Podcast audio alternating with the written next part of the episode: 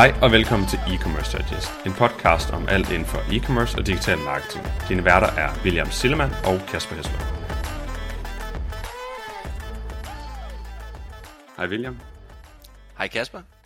I dag der skal vi øh, snakke lidt omkring uh, Google Marketing Live, som også var stedet, hvor vi rent faktisk mødtes uh, for et år siden tilbage sidste år, hvor vi var til, til Google Marketing Live der. Og det snakkede vi lidt om i en af vores foregående episoder, men øh, den her gang var du jo desværre ikke med, så jeg tænkte, at vi heller lige må tage et, øh, et afsnit, hvor vi kommer igennem øh, nogle af de mest spændende ting, der var til, til Marketing Live. Hvad tænker du om det, William? Det synes jeg lyder som en rigtig god plan. Lad os gøre det. Skide godt.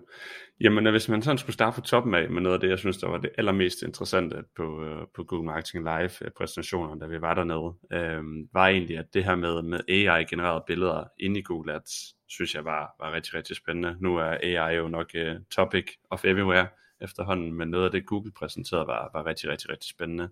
Og det var også noget som, at, at det her med, at man kunne generere billeder inde i Google Ads interfacet ved at give den nogle, nogle prompts, men også at give den noget input data af den ene eller anden art. Og man kan også selv give den sin egen input, så man kan sågar skrive, at man gerne vil have, at øh, der sidder en kat foran en plante med noget kattemad, og så laver den nogle eksempler på, hvad det kunne være, og så kan man vælge det, man vil bruge og så kan du også spille videre på den og sige, okay, prøv at tilføje A eller tilføje B på den, og så lave den fem eksempler, hvor, hvor det er kommet med på den. Det, det synes jeg er noget, der i hvert fald er, er super, super stærkt, som også vil gøre det nemmere at arbejde med den, den kreative del generelt, øh, hvad kan man sige, for, for kundesiden, men også for agency-siden, hvis, hvis kunden ikke selv har øh, ressourcerne til at arbejde med andet end, end råfiler og lave råfiler i forhold til billeder osv. Var det noget, øh, var det noget du kunne forestille dig, I kunne bruge øh, hos Moonbund? Ja, både ja og nej. Altså jeg vil sige, det kommer lidt an på, nu har jeg prøvet at sidde og lege lidt rundt med det der, hedder det DAL-E, det der, der er lavet af OpenAI, også sådan en AI-billedgenerator ting. Men either way, der, jeg synes det bliver meget sådan, i hvert fald hvad jeg kunne se, sådan meget generisk, meget stock photo-agtigt. Så jeg tror, jeg tror ikke, det, det vil give super meget mening hos, øh, hos en case som Moonboon, men hvis man lige er ved at komme i gang øh, som, som webshop og bare sælger et, et rimeligt generisk produkt, lad os sige kattefoder, jamen så tror jeg faktisk, det kunne give rigtig god mening. Eventuelt også, hvis man sælger, øh, ja, hvad ved jeg, solcreme eller noget i den stil. Så øh, altså noget, noget, noget, som ikke øh, kræver det store brand-univers eller den, den helt øh, stringente øh, visual identity, så, så tænker jeg, det kan give rigtig god mening, bare for at komme i gang. Men det, tror Kasper, jeg, det, det er jeg egentlig også meget enig i. De eksempler, som, som du viste til, uh, til Google Marketing Live, var det sådan nogle, lignede det lidt nogle stock photos, som ellers egentlig bare kunne gå ind på Shutterstock og hente, eller hvad var dit indtryk? Og det synes jeg nemlig ikke, det gjorde. Øhm, altså min, min oplevelse af det, man sad og så det, var også, at, at man så det sådan realtid i nogle forskellige ting, der blev, blev genereret og bygget øh, i sådan en demo, de havde. Øhm, jeg, jeg tror, det kan være ret godt. Jeg tror også, man skal lære, hvordan man skal bruge den, og det er jo det, alt AI handler omkring, det er prompts og de input, man giver den altid. Så jeg tror også, at hvis man bliver dygtig til den del, så tror jeg virkelig, at man kunne lave nogle skarpe ting. Det kunne sågar bare sige, at de havde billeder af jeres moonboom øh, i, i og så videre, og så kunne det være, at man ændrede baggrunden i forhold til, at man kører en sommerkampagne, som ikke behøver at tage den ud i naturen, når den skal stå under en eller anden terrasse. Altså, det kan sagtens AI generelt, vil min opfattelse i hvert fald være. Det giver sindssygt god mening. Jeg tror, der hvor det kunne blive rigtig interessant, er hvis man kunne uploade nogle kreative, nogle billeder, nogle videoer, som man selv havde produceret tidligere, og som var sådan en line med ens visual identity. Hvis man kunne uploade den og ligesom lære den der AI generator, øh, hvilken stil det skal være i, så tror jeg, det kunne blive sindssygt spændende og virkelig reducere ens øh, production time på kreativer. Det tror jeg helt klart er noget, der, der kommer over tid. Og det leder også sådan lidt ind i den næste, som er AI-genererede overskrifter og beskrivelser, som man kan gøre på, på baggrund af, igen, prompts og input, men også på baggrund af det, det der står inde på ens hjemmeside det starter selvfølgelig på engelsk, hvilket er, er selvsigende, når, når, når det er Google, øh, og kommer i andre sprog senere. Men det er også sådan en ting, jeg synes, der er rigtig interessant for, for rigtig mange, fordi at noget, der, der er tungt, for eksempel på RSA'er, altså Responsive Search Ads, hvor du skal lave 15 forskellige headlines, så kan det nogle gange godt være, være pain, og skal sidde og lave 15 forskellige, det kan det jo være for kunder, det kan det så også være for os, for eksempel. Men det, jeg synes, der var rigtig interessant her, det var, at man kunne lave tre eller fire forskellige varianter, og så kan man smide sin, sin URL ind, og så prøver den at generere nogen på baggrund af det, der er inde på, på, på ens hjemmeside. Men det man så også kunne skrive til den og fortælle den, det var, at okay, jeg tror det var en håndcreme, de brugte som eksempel, da de lavede den, det var at sige, okay, kan du ikke tilføje noget, noget omkring, at, at cremen er nem at optage huden, når den ikke er fedtet, så lave den en headline med det i fokus, så kunne man lave noget andet, og så er man sikker på, at den hele tiden holder sig inden for de her 30 tegn, som nogle gange kan være det, der er rigtig svært, øh, når man kommer til det, og skal sidde og lave headlines på kun 30 tegn. Den synes jeg også var rigtig spændende, så både den her øh, del til headlines med det samme til beskrivelse, hvor du også kunne sidde og lave nogle lidt længere tekster omkring det og explainer dem, de to ting her, dem ser jeg som at være rigtig, rigtig spændende at arbejde med, med i, øh, hvad kan man sige, i fremtiden i hvert fald, ind i Google Ads. En af de andre ting, som, som var dernede til, til Google Marketing Live, var, var feed, øh, baseret på ens, øh, på ens hjemmeside. Jeg tror, det er en feature, der har været efterspurgt ret længe øh, i forhold til, til Google Merchant Center, at man simpelthen kan, kan trække alle ens feed-data på baggrund af den information, man har inde på ens hjemmeside. Øhm, og det synes jeg jo egentlig er en rigtig interessant øh, ting i sig selv. Jeg har altid haft det sådan lidt svært med, hvorfor man skulle have noget, der måske var differentieret fra, fra hjemmesiden til ens øh, feed output, man kan sige. Jeg tror dog tværtimod, at ens feed output vil være væsentligt mere skræddersyet, og, og man kan smide nogle ting i sit feed, som man ikke vil have ind på sin hjemmeside i hvert fald. Øh, det kan være alt muligt forskellige informationer, der er på feedet. Det kan sågar være, være at man også vil, vil arbejde med at optimere ens titler osv. øh, der er det jo bare sådan, at hvis, hvis det er det, der står på hjemmesiden, så er det ikke sikkert, at det er det, der er relevant på alle ens platforme. Så men, men det er bedre end ingenting, så hvis man ikke øh, kan finde ud af at få lavet det, et, et, et, raw feed, hvis man kan sige det sådan generelt, at skyde ind i Merchant Center, så er der en hurtig mulighed for det i fremtiden i hvert fald, hvor man kan gøre det på baggrund af den, den information, der er inde på en hjemmeside. Det er klart øh, virkelig interessant for, ja, for små webshops, som, øh, som skal i gang, og det lyder som om, at, at mange af de her initiativer er både for at sænke indgangsbarrieren i forhold til at komme i gang med betalt annoncering, men også, jeg synes måske ikke lige den her med feed baseret på, øh, på ens øh, hjemmeside i Google Merchant Center, men det tidligere også, altså, det er også jeg tror, som vi også har snakket om tidligere i forhold til kreativer, det er en, kan være en rimelig tung proces at få, øh, få produceret nye kreativer og løbende udskift så osv., hvor jeg tror, at der kunne det virkelig også få etableret virksomheder øhm, øh, øh, forbedre workflow, hvor jeg tænker, at den her den er mere bare for, for flere i gang hurtigere og nemmere.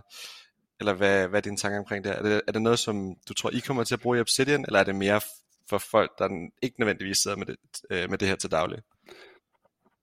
Jamen altså man kan sige, at, at det, jeg tror, det kommer lidt an på det, fordi jeg tror, at, at det kan være rigtig stærkt at bruge for alle, uanset om du sidder som agency eller in-house. Jeg tror bare, det kommer an på i sidste ende, hvordan du bruger det, og hvordan du arbejder med det, ligesom alt andet AI.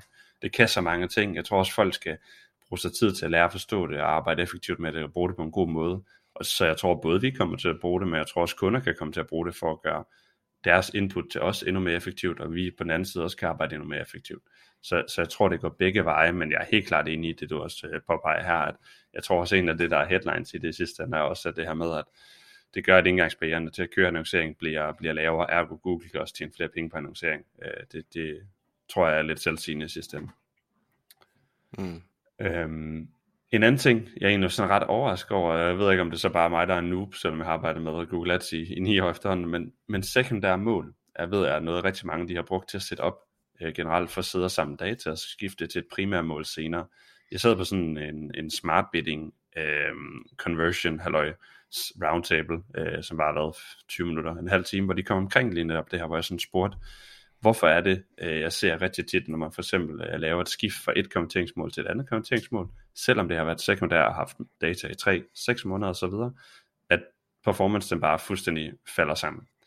Øhm, og så var der heldigvis mange andre i rummet, der har oplevet det samme, så det var jeg glad for. Øhm, men lad os sige, at man er e-commerce og vil skifte over til profitdata. Så har jeg altid oplevet, at det har i hvert fald en eller anden form for negativ indvirkning, når man laver skiftet, selvom det har været sekundære mål længe. Men så sagde de simpelthen, at sekundære mål, det viser bare visuelle data, det bruger slet ikke dataen. Så selvom du har haft det sat op i 3 eller 6 måneder, så bruger den det ikke til en skid, hvis man kan sige så, når man skifter til det primære mål. Og det synes jeg var en, var en kæmpe Øh, jeg var i hvert fald mega meget overrasket over det. Og det var så også noget, de noterede ned, og vi så måske se, om det var noget, der kunne komme på roadmap, så man kan vælge nogle sekundære mål og sige, at den skal gemme de her data, fordi vi skal bruge den senere. Øh, men lige sådan som, som de sagde det der, var bare, at øh, sekundære mål, det er visuelt, det har intet med, med indsamling af data at gøre overhovedet. Hvad, hvad, hvad siger du til det, William? Ja, det er jeg sgu ret overrasket over, også fordi øh, nu i Mentor har vi de seneste øh, 3, 4, 5, 6 måneders tid haft meget fokus på at skifte over, ja, også til Profit-Based Bidding, en, øh, en løsning, som vi har lavet selv, øh, og har skudt den ind i Google Ads over, jeg tror vi har givet det, jeg tror vi har brugt en måned som øh, threshold i forhold til at, at, at samle data som, som, øh, som sekundært mål, og også noget, som vi har fået øh, anbefalet af vores Google-team og specialist-team, så det, øh, det synes jeg lyder en lille smule mærkeligt, og kommer også meget bag på mig. Jeg var klart også under den opfattelse, at øh, sekundære mål var der, øh, blandt andet for at kunne lægge og samle data ind, så man lavede øh, skiftet til, til, til primary conversion. Ja, og, og, og det var også det, der var sådan, det var sådan lidt, det de sagde, det var sådan, hold op, fordi det er så meget en no-brainer, at den burde sidde og samle data, at det giver nogen mening, øh, at, den, at den ikke gør det. Øh, Præcis. Men ja, det er glad for at høre, at du, du har så oplevet det samme. Jeg har så oplevet et hack, man kan gøre, hvis man vil knække den her. Det er ved det eksisterende konverteringsmål, man har. Hvis man kan ændre den fra revenue data til profit data, så vil den jo i sig selv falde lige stille og roligt ned, uden det er et nyt mål. Så vil den lige stille og roligt falde ned, men du også justerer din, din ROAS, som så bliver en PROAS over tid, stille og roligt. Det her set har undgjort, øh, hvad man kan sige, undgør, jeg kan ikke snakke, det her set kan gøre, at man undgår den her nedgang, der er på, på performance generelt, fordi det ikke er konverteringsmål, der ændrer sig, hvor dataen allerede ligger ind i det bliver bare en lavere hvad kan man sige, in, input dataen får i forhold til værdien, mm. fordi det er profit i stedet for omsætning, og så sænker du bare roer sådan stille og roligt, så du laver en smooth overgang. Det tror jeg er en stærkere måde at gøre det på, hvis det er, man vil hacke systemet, indtil den der løsning måske bliver, bliver optimal. Men, men det er selvfølgelig svært at, at, at lave den øvelse, for man skal virkelig have styr på, på det arbejde, man laver. Hvis man laver sådan en hard stop og ændrer dataen til noget andet, så kan det lige pludselig være, at man bare smadrer hele ens uh, Google Ads annoncering, fordi at uh, dataen ikke kommer ind. Ja, jamen, og helt sikkert, og det er ligesom øh, det, den strategi, vi har, vi har brugt i, i Mento, øh, uden at vide, at, øh, at det, det ikke giver nogen mening. Så sådan, vi har også lavet det der hard switch fra øh, at, at skifte kommenteringsmålet fra øh, sekundært til primært, og så også haft, øh, klart haft udfordringer i forhold til, at der har været så stor diskrepans imellem ROAS og, og POAS targets. Så øh, det, nå, vi er i hvert fald færdige med det projekt, så det er da fedt, du har fundet af det nu. ja, men uh, det håber jeg bliver lavet om. Det, de sagde i hvert fald, at de vil tage det med for roadmappet, og så må vi se, om det, det er noget, de er klar.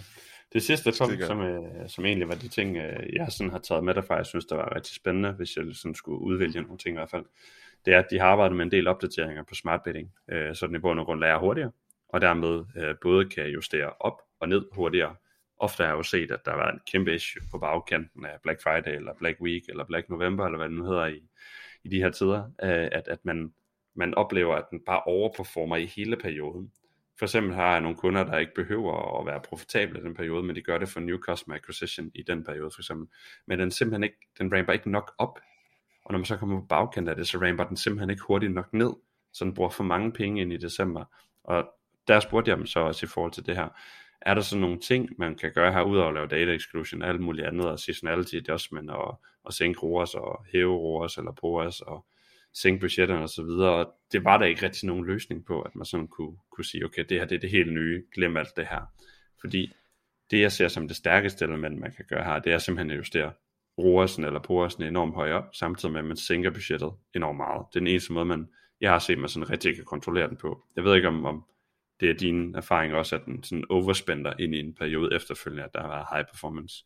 Men det burde den opdatering, de snakker om, i hvert fald gøre det bedre. Okay, det er meget interessant, fordi det er klart en kæmpe udfordring, vi har haft under, øh, under kampagner og peak seasons. Øh, og vi har, vi har faktisk øh, udelukkende, eller ikke udelukkende, men primært øh, prøvet at kontrollere det i, i, øh, ved hjælp af data exclusions og seasonality adjustments. Øh, men helt klart noget, vi også har, øh, har haft øh, mange udfordringer med. Jeg synes bare ikke, at det, det er stærkt nok. Jeg synes ikke, det er stærkt nok, hvis man laver en data-ekskludering, eller, en, eller hvad kan man sige, en, en seasonality adjustment. Jeg synes bare stadigvæk, at den, et, den, den kommer simpelthen for langsomt i gang, fordi roer så bruger sig bare tårnhøj, og sådan overperformer helt vanvittigt mm. i, i peakperioderne. Hvis, hvis der gerne, man gerne vil være mere aggressiv, så skal man nærmest sætte sin roer til 0, og seasonality adjustment på plus 1000, I don't know, men, men, men det synes jeg er et kæmpe issue, men det er lidt stort issue på den anden side, og der, der ser jeg bare ikke, det der værktøj er stærkt nok for, for min side i hvert fald. Jeg vil sige, der hvor, altså hvis vi tilføjer en data exclusion efterfølgende, så efter kampagnen, så, så har vi faktisk stadig udfordring med, med den her øh, overspending efterføl- mm. efterfølgende. Men hvis vi scheduler de, øh, data exclusion før kampagnen eller før peak season, så plejer den faktisk at, øh, at rette ind. Øh, og ellers så synes jeg faktisk, vi har haft meget fin succes med seasonal adjustments over x antal timer, 4, 5, 6 timer, fordi det er som om, der er et lille delay i data exclusions nogle gange, øh, mm. på, det ved jeg ikke, 6, 12, øh, 18 timer. Og men, jeg tror, du skulle til at sige uger, men det er okay. nej, nej, nej dog ikke. Men cool, altså, men det, det var en af de opdateringer, jeg synes, der var rigtig spændende, at den sådan skulle lære hurtigere, øh, hvilket også betyder, ja. at man, man egentlig kan komme i gang med, med ROAS eller POAS, øh, eller maksimere øh, antal konverteringer inden for en target CPA hurtigere, end at køre på manuel CPC som start, fordi den ikke behøver lige så meget data. Så det er jo bund og grund også nogle ting, jeg synes, det er rigtig spændende, men hvor, hvor godt det bliver, det ved man jo aldrig rigtigt i sidste ende. Øh, man kan stille en masse spørgsmål, så siger de, at det vil vi tage tilbage og overveje. Så, så det er også nogle gange ting, der er lidt sjovt, når man sidder i de der former der. Ja. Men ja, det var egentlig lidt de, øh, de sådan hovedpunkter, jeg har valgt, har valgt at egentlig vil tage med og dele her, som jeg synes er sådan de, de mest relevante øh, i forhold til sådan Google Ads og i med generelt i, i forhold til Google, ting, øh, Google Marketing Live, der var i Dublin her for, for ikke så lang tid siden. Tak fordi du lyttede med til dagens episode. Vi håber, du kunne bruge nogle af dagens takeaways.